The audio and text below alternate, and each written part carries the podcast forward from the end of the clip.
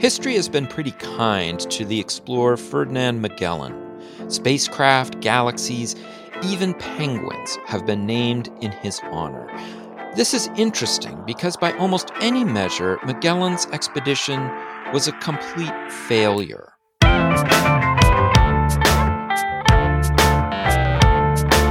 It's time to eat the dogs. I'm Michael Robinson. Today, Felipe Fernandez Armesto talks about the life and work of Ferdinand Magellan. Fernandez Armesto is the William P. Reynolds Professor of History at the University of Notre Dame. He is the author of Straits Beyond the Myth of Magellan. Felipe Fernandez Armesto, thank you for talking with me. Thank you for having me. One of the things I found really interesting about a book and somewhat counterintuitive for writing a book about a really famous figure like Magellan is that you say, by so many measures, he was a failure. So I was wondering if you could just talk for a minute about Magellan as a failure. By a failure, I think I mean someone who doesn't fulfill his or her stated objectives. And in a sense, I suppose you could say that Magellan's life was a success because of the extraordinary, extraordinary apotheosis that he undergoes after his death. I mean, his death was in many ways his greatest career move, and I think helped to cement the heroic reputation that he's enjoyed pretty much ever since. But if you judge him in terms of the attainments that he set for himself, or the objectives that he was given by the King of Spain who patronized his great voyage, in all of those respects, he was a failure because he didn't deliver what he wanted. He didn't achieve for himself the kind of trajectory of life that he wanted, where he would rise to great power and wealth. I mean, every business enterprise that he invested in, you know, went belly up. Mm. And his great plan for creating a sort of lordship for himself in the Philippine Islands, that came to grief and ended with his death in battle. The king's commandments to him were to go to the Spice Islands and open up this lucrative trade for Spanish commerce. And not only did he fail in, to do that, he actually bypassed, apparently quite deliberately bypassed the Spice Islands during his voyage and headed for the Philippines instead. And then I suppose, you know, if you judge the voyage by the material outcome, it didn't make a profit. The notion that he made a profit is one of the many myths about the, the voyage. It, it arises from historians' misreading of accounts made 15 years after the event. And not only did he, he not make a, a profit. He didn't inaugurate any new route of trade. He didn't contribute anything to the scientific understanding of the world or to concepts of of geography. And of course, you know, the in material terms, the expedition was a resounding failure because he lost almost all ships and 90% of his, his men, if you take out the guys who deserted or who were captured by the enemy, the death rate was, was 90%, including his own death. I'm afraid I think that amounts to a pretty solid record of failure. So one of the things that I found super interesting about your book is that you really provide this rich portrait of the world in 1400, not just the European world. But you say that Europe, if looked at in context with China and India and other places, was really a social and economic backwater. It lacked desirable exports people didn't really want much from Europe, but it did offer ships, and that shipping itself seems to be an incredibly valuable service in the Indian Ocean.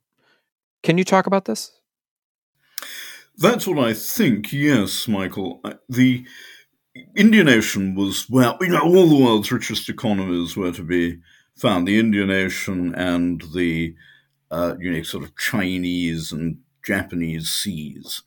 this was where all the most productive economies, all the most active merchant communities, all the long, really long range trades of the world were located. And a very basic reason for that is that the Indian Ocean is a monsoonal sea, so it's relatively easy. I mean, not relatively easy, it's very hazardous and a lot of storms and stuff and shipwrecks, but it's relatively easy to go a long way in the Indian Ocean, and you can't replicate that, or nobody could replicate that in the Western Hemisphere until people started to be able to cross the Atlantic.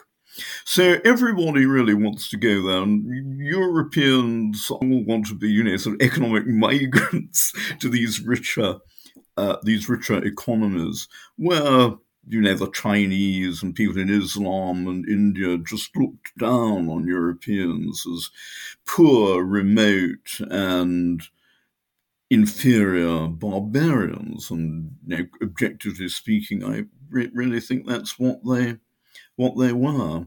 And obviously, you know, you can't understand the tremendous outreach and outthrust of European exploration and commerce, of which Magellan, you know, was one of the pioneers, unless you realize that they were rather like, you know, developing countries today desperately drilling for offshore resources. They were struggling to come from behind, and that's one of the big reasons for you know going somewhere else and not not being content with staying in Europe.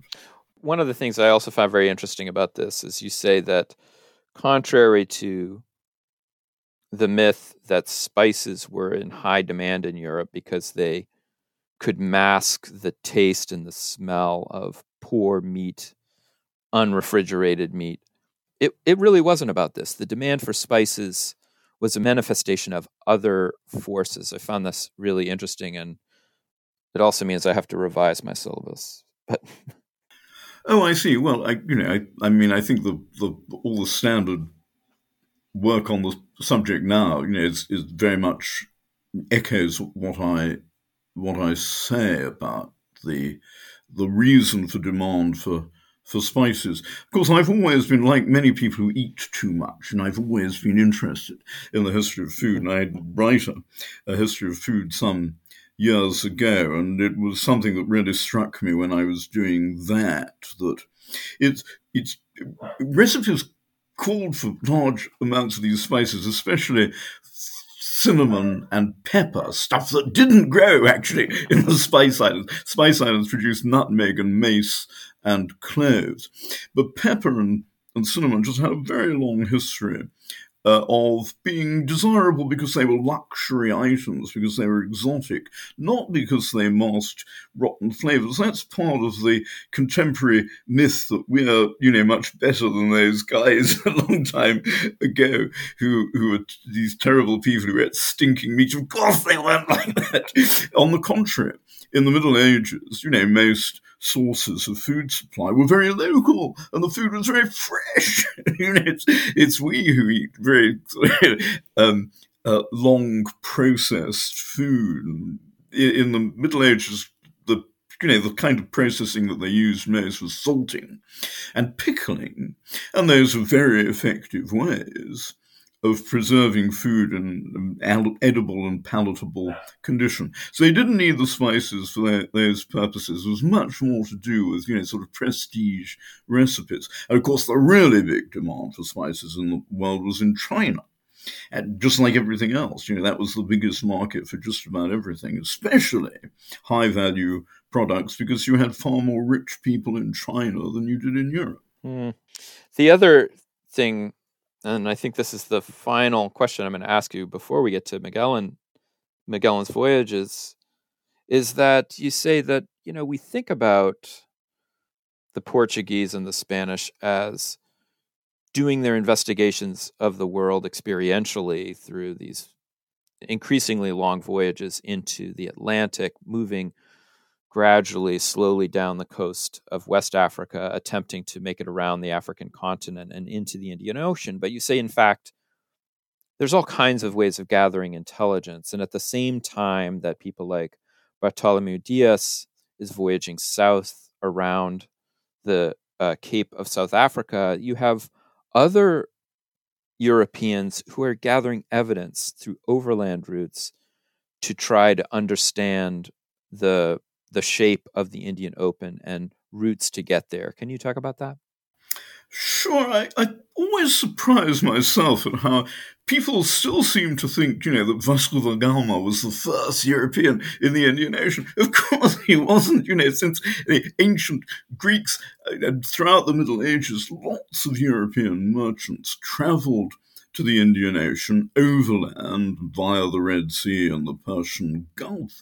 And they did that for the very sensible reason that that's where the money was. As you mentioned in one of your earlier questions to me, the only thing that guys in the Indian Ocean really lacked, however, was ships. They, they, you know, they had so much trade, they were so productive that they could always absorb more shipping than they could produce. Um, and the difficulty with these overland routes, obviously, was you couldn't get ships across them. So Vasco da Gama was very important in opening up, for the first time, a route by which Europeans could get into the Indian Ocean with the one thing that people there really wanted, which was more shipping. At the time, uh, of these explorations which led to Vasco da Gama's breakthrough, there were also you know, other expeditions, especially being sent by the Portuguese, overland to Ethiopia and to Arabia, with the object of trying to determine whether, in fact, it was in principle possible to get to the Indian Ocean by sea. Because really, until Vasco da Gama, to some extent, I suppose, Bartolomeo Dias a little bit earlier in 1488, uh, really opened up the likelihood that the Indian Ocean was accessible by sea. Nobody knew for certain that that was possible. And indeed, most late medieval maps show the Indian Ocean as landlocked in such a way that you couldn't get into it anyway, and that there was no point in in trying. So it was really necessary for the Portuguese intelligence gatherers. That's one term that you alluded to, and it's the right term. These intelligence gatherers really needed a two pronged strategy, both feeling their way around the coast of Africa to see if they could get round it, and sending agents overland by traditional routes to find out from the people who knew the Indian Ocean well whether it would in, in fact be possible to approach it um, around the Horn of Africa.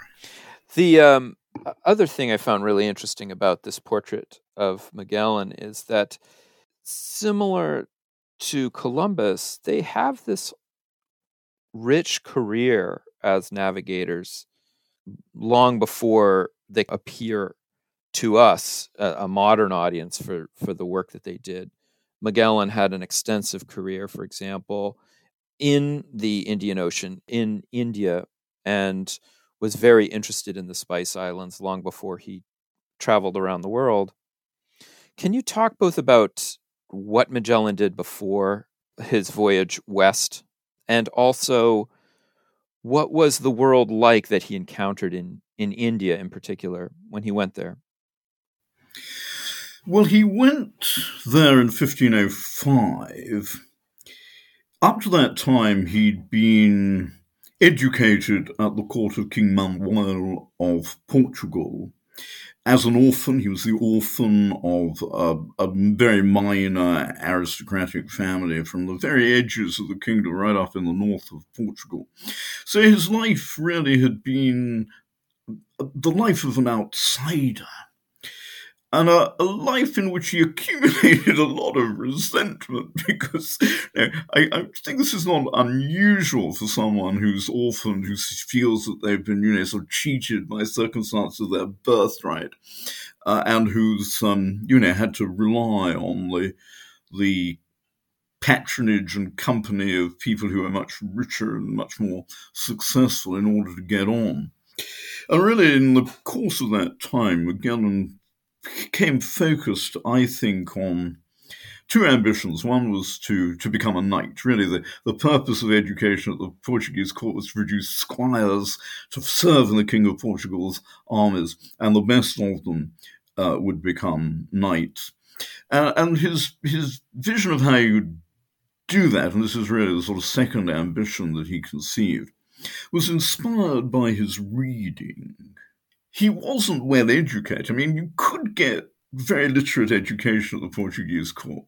Uh, you, you could have lessons in Latin and even Greek if you were very bright, but Magellan wasn't really up to that standard, and he never advanced beyond really modest vernacular literature, but he read the kind of stuff that everybody who was modestly literate at the time read, what I call the sort of equivalent of station bookstall or airport bookstall pulp fiction. These are really tales which we now call tales of chivalric romance, and they very often have a seaborne setting, and they, they usually concern heroes of the sort that Magellan conceived himself to be, you know, someone who's down on their luck, cheated of their birthright, but they go off and have adventures at sea and they eventually, you know, realize great, glamorous and glorious ambitions. So that was really the, the sort of mood that Magellan was in when he leaves Portugal and goes to India to fight for the king in 1505. And in the few years that he spends out in the Indian Ocean, he gets to know a little bit about the Spice Islands, certainly, but he also gets to know about the Philippines, which were a very mysterious land that no one had yet visited and which was known only from very indirect reports, mainly culled from Filipinos who'd set up in Malacca to do business. And from those sources, Magellan learnt that the Philippines were very close to China, the place everybody wanted to trade with.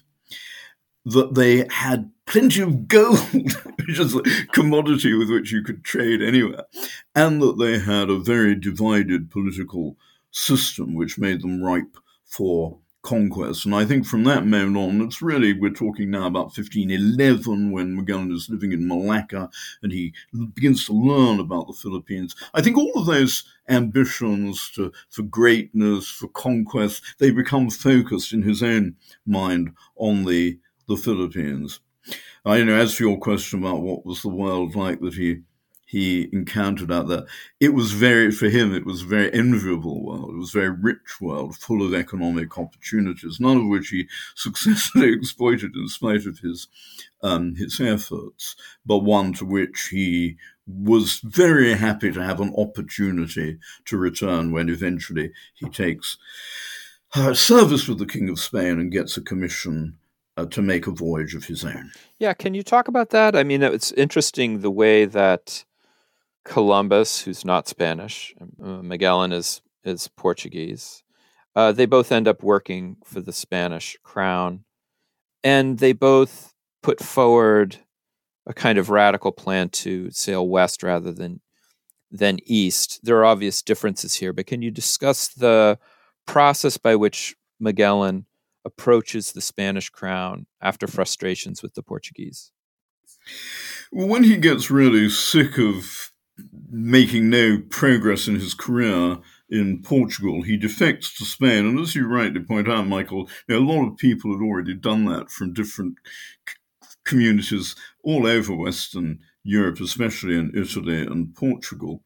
And the Spanish court was a very good resource for someone who couldn't get on at home because you know there was lots of interest in Spain, especially in the royal court and in the merchant community in trying to open up new economic opportunities. And that was because, you know, as I said earlier, Western Europe was coming from behind with respect to China and places like that. Spain was coming from behind with respect to Portugal because the Portuguese had already in the 1480s made contact with, you know, places where they could get cheap gold uh, and of course, they'd also made contact with a lot of places they could get slaves, which were a relatively valuable commodity. And the Spaniards had kind of missed out on this. And by the time Magellan comes along, they're really, you know, they're really desperate to find a way to the Spice Islands because those commodities that were almost exclusively produced in the Moluccas, that's to say, nutmeg, mace, and cloves, were, owing to demand in China, the most valuable products per unit of bulk in the world. Mm.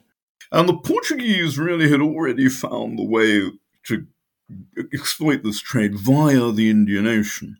But by treaty, Spaniards were not allowed in the Indian Ocean. So the only way they had a chance to cash in on a part at least of that trade was to approach it, you know, via the other direction across the Atlantic and what we now know as the Pacific, and somehow to find a way across or around the the Americas. And Magellan, like Columbus, believed in a, a relatively small world. In fact, you know, there are some maps of the the period before and during and immediately after his voyage that show the world as a really kind of tiny little planet in which there's really very little space to cover in order to get from Spain to the rim of Asia by sailing west via around or across the Americas. And Miguel, Miguel wasn't alone in that. Columbus had broached the possibility. Many other people had followed in his wake. In the years immediately preceding Magellan's voyage, the Spaniards sent lots of reconnaissances, you know, around the coast of the Americas looking for a strait. In fact, one expedition in 1514 reported that it had found a strait, and also that the sea beyond it, which is actually, you know, we, what we now call the Pacific, was only 600 miles wide, you know, which is an underestimate by about 8,000 miles. so, they were really hoping, at least, the world was going to be very small. And that's really what made Magellan's voyage credible as an investment proposition. Was that really subject to so much doubt? I'm, I, I find it so surprising that you have fairly, and you write about this, fairly accurate representations of the globe from the ancient period of being somewhere between 20 to 25,000 miles around in circumference and that at a quite late date you have after after these voyages around Africa you still have people like Columbus and Magellan saying no no in fact the world is quite small and there isn't a big ocean between the Americas and and Asia yeah, it's amazing. it's part of what we used to call the scientific revolution. People like Magellan and Columbus, who were not learned men, know, even Columbus's geographical and scientific learning has been grossly exaggerated by, you know, the people who who've written about him. These were guys who really didn't know very much about the sort of theoretical scientific side uh, of the the world uh, and who actively rejected book learning and and rational and logical methods of computation. They rejected mathematics. They rejected ancient wisdom on the grounds that experience was superior to logic and to book learning. So, you know, that's really the message of the scientific revolution. It's this great switch to empirical data. And explorers were, above all, empiricists. As you say, they were you know, engaged in experiential forays into the world the unknown. That was their entire vocation. I think when you look at it in that context, you can understand why they very foolishly rejected these very accurate ancient Greek calculations. But you know, they, they said, oh, those ancient Greeks, they hadn't been to any of these places. We, we, we know better than they did. They were wrong. In 1519, Magellan finally set sail with the funding of the Portuguese crown he set sail with five ships, attempting a circumnavigation sailing west down the coast of South America. But even before he reaches the western side of South America, he's already confronting a mutiny launched by two captains of other ships. What's going wrong on this voyage? Well, first of all, if I if I might venture small correction to what you yeah, say. Yeah. He wasn't attempting a circumnavigation. I mean, I'm quite sure he never thought of circumnavigating the world. Indeed, that would have been impossible because you couldn't do it without crossing the Indian Ocean and Spaniards weren't allowed to do that. So it would have been completely crazy if he'd envisaged a circumnavigation. And in any case, he thought the world was very small. So obviously, the best way to get back to Spain, if he had found something, you know, worth conquering or or buying, the best way back to Spain would be the way he'd come. That would be the shortest route. So he clearly didn't think in terms of circumnavigation. The reason why the voyage, you know, went wrong, uh, even really before uh, it left the, you know, its home waters. I mean, almost as soon as he was out of the jurisdiction of the Spanish crown, the voyage began to go wrong because Magellan was part of a team and all his fellow commanders had been appointed by the crown or by Magellan's own enemies at the Spanish court. They were, they were representing other interests. Uh, and Magellan's strategy was to get rid of all these guys and take control himself. Before he sailed, he said to a Portuguese agent, when I'm at sea, I shall do what I like. I think that was a very revelatory utterance. That's exactly, you know, what he had in mind. So really conflict, uh, potential mutiny and mayhem were really sort of built into the way the fleet was organized. And it was made worse by the fact that there were, you know, conflicts between the Spaniards and Portuguese. And I think there are also sort of what we might now call class divisions between ordinary seamen and the rather aristocratic commanders whom they often resented. And all of these tensions boil over in this this this mutiny, which to some extent I think again deliberately provokes, daringly provokes, because the mutineers outnumbered him and his cronies, but with great daring, great cunning, he overcomes the mutineers and puts the leading members of the mutiny to death. He, he murders one of them, he judicially murders others, and he leaves a couple to be, you know, sort of marooned and die on the, the coast of Patagonia. And after that, he has much better control of his fleet, though not total control, because of course there's another mutiny later and his biggest ship deserts. But you've got to give him credit. I mean, his means of control were ruthless and bloody and cruel, but they were surprisingly effective because I mean, I can absolutely tell you, Michael, if I'd been on that voyage, I would not have wanted to persevere with it. You know, certainly not beyond the Patagonian coast into this unknown world of growing cold and ever more threatening storms with the supplies diminishing and strange, you know, savages coming to light wherever you, you went on shore, and just knowing that there was no way that the voyage was ever going to be successful because it was already, you know, such a long voyage that it was never going to be commercially viable. I mean, it's interesting you're framing this as a kind of ruthless efficiency because, as you say, he's already lost one ship to desertion, which heads back to Spain, and then another ship sinks. So, as he embarks upon the Pacific Ocean, he's only got three ships and he's radically misinterpreted the size of the Pacific itself. So in fact, his his adventures only get more dire as he crosses the Pacific and heads towards the Philippines. Can you talk about this part of his voyage?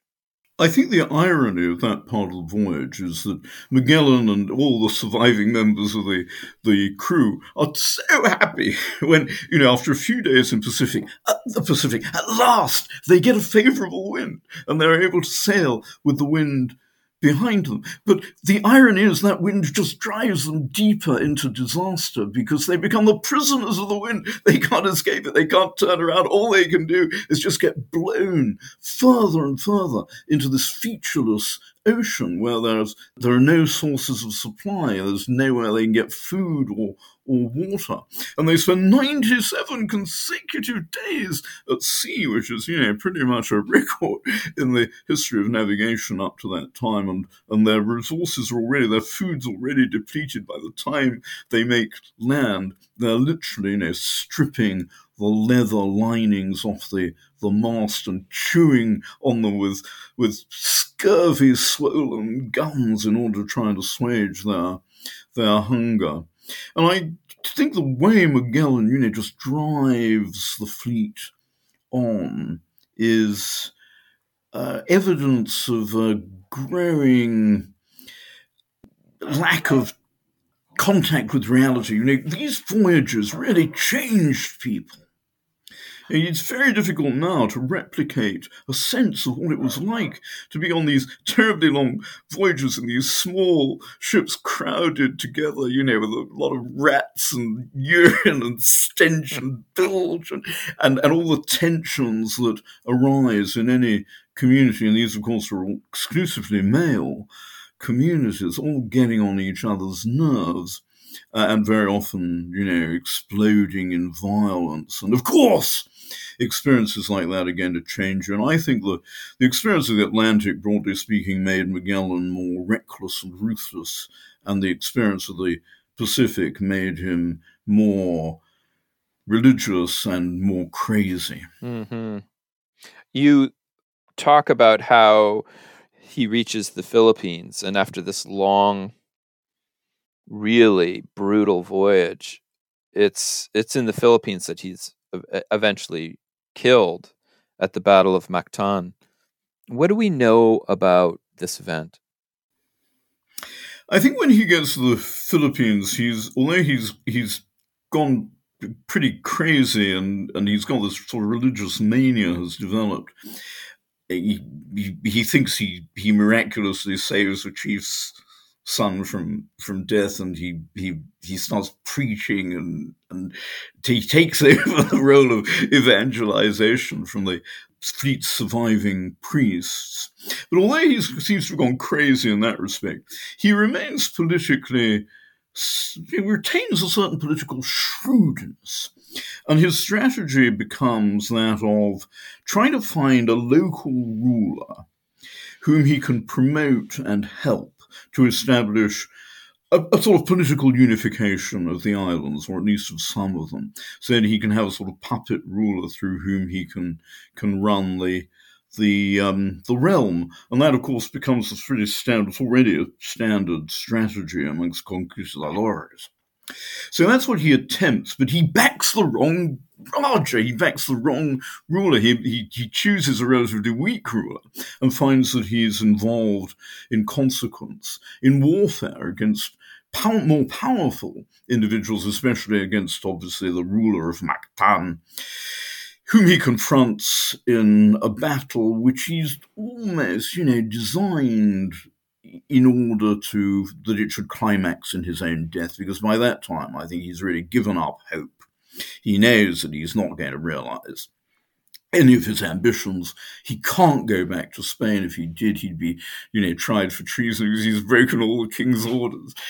So really, his only route out of his dilemmas is a heroic death, which I think he deliberately contrives and which he models on partly on episodes in his favourite book, which was one of these romances of chivalry, and partly on a tradition of chivalric behaviour, which goes back to the early medieval hero Roland, who who died in battle because he mm. was too noble mm. to summon help, and that's really what Magellan, I think, tries to embody uh, in the final battle in which he himself dies with a few loyal companions dying around him only one ship, the Victoria, actually returns to Spain in 1522. And I found it very interesting. You say that really nobody was inspired by this voyage, not the Portuguese, not the Spanish. Why? Almost everybody had died or deserted or been captured. Almost all the ships were were lost. When the 18, 18 men get back you know, to Seville in October 20, 1522, and they're, they're, they're, they're sick, they're emaciated, they're, they've had, they've they've got these terrible experiences to recount. And obviously, it was a big news event. You know, I mean, everybody wanted to know about it, and everybody wanted to to write about it. But I don't think anybody was very favourably impressed and the except by you know just the sort of heroic scale of the the the sufferings that these guys had undergone, and the conviction that one or two of them had that they'd been somehow spared by God, you know, to bring the news back. The voyage, you know, ends really with a penitential procession in which these these eighteen survivors parade through the the streets of Seville in their in their undergarments, you know, as an act of penance and, and of, of, of thankfulness to God that in spite of their sins, you know, they've been they've been allowed to live through these terrible experiences. So that that's really what's impressive about it. It's the fact that anybody survived at all. You know, it's kind of interesting in your in your book um, that by the end, I, I see so many of these parallels with Columbus, which you acknowledge, and, and you paraphrase it quite nicely. You say, Magellan flaunted royal commands, committed murder, wasted royal resources, inadequately prepared for his voyage, took needless risks, which led to starvation, sickness, and defeat. He managed his men poorly, provoking mut- mutinies. And yet, at the end of the day, if you look at Columbus as a modern figure, he's he's practically reviled in the United States and other parts of the world. Whereas I think people think quite highly of Magellan. Why is there such a different outcome here?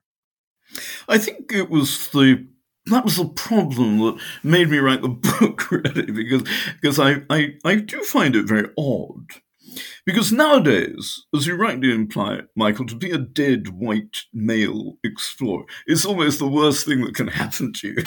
because people hate you, they, they tear down their statues, tear down your statues, they besmirch your reputation, they revile you very often, you know, for things that you never even did or even thought of. In the case of Columbus, you know, most of the stuff that he's accused of is actually really rather unfair.